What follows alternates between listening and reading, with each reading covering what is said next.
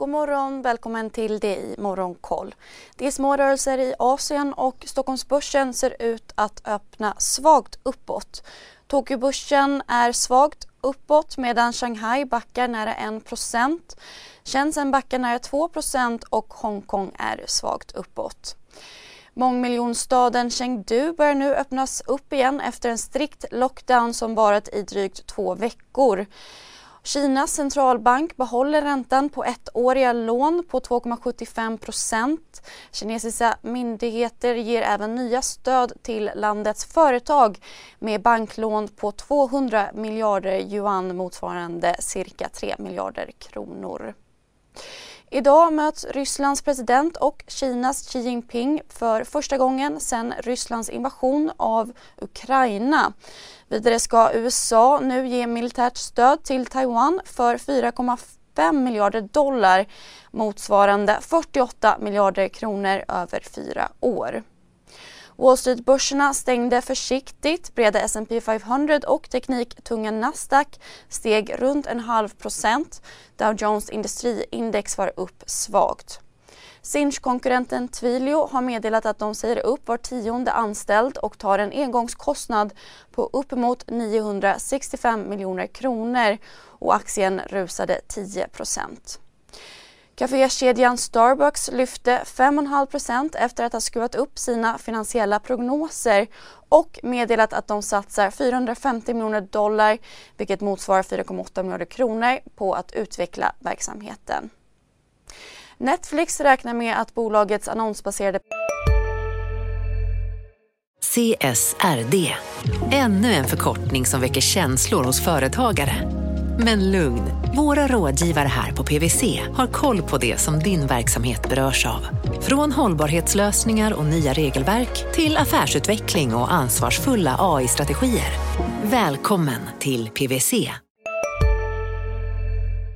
Prenumerationstjänst når 40 miljoner tittare under det tredje kvartalet och aktien steg runt 3 Elbilstillverkaren Tesla ska flytta batteriproduktionen från Tyskland till USA och aktien steg 3,5 procent så till Sverige där flera av världens största hedgefonder har byggt upp positioner i snusjätten Swedish Match och det i syfte att få Philip Morris International att höja sitt bud på bolaget, rapporterar Bloomberg.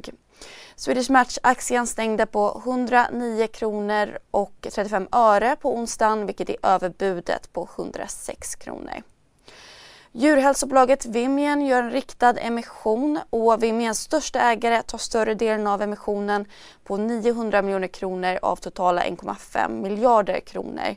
Teckningskursen landade på 29 kronor och emissionen innebär en utspädningseffekt på cirka 12 procent. Det Lundinägda oljebolaget Chamaran har nu slutfört förvärvet av det franska Total Energies dotterbolag och så har Randvikens ansökan om avnotering blivit godkänd efter uppköpet från Stenhus Fastigheter. Sista handelsdag blir 28 september. Idag väntas en aktiv dag från politiken efter att det såklart att Magdalena Andersson avgår som statsminister. Magdalena Andersson har meddelat att de kommer leda en övergångsregering fram till det att Moderaternas partiledare Ulf Kristersson samlat ett regeringsunderlag. Vi får även H&M's försäljningssiffror och Kantar Prosperas inflationsförväntningar klockan åtta. I eftermiddag redovisas försäljningen i USAs detaljhandel. Börsmorgon och Börskoll sänds som vanligt klockan 8.45 och klockan 14.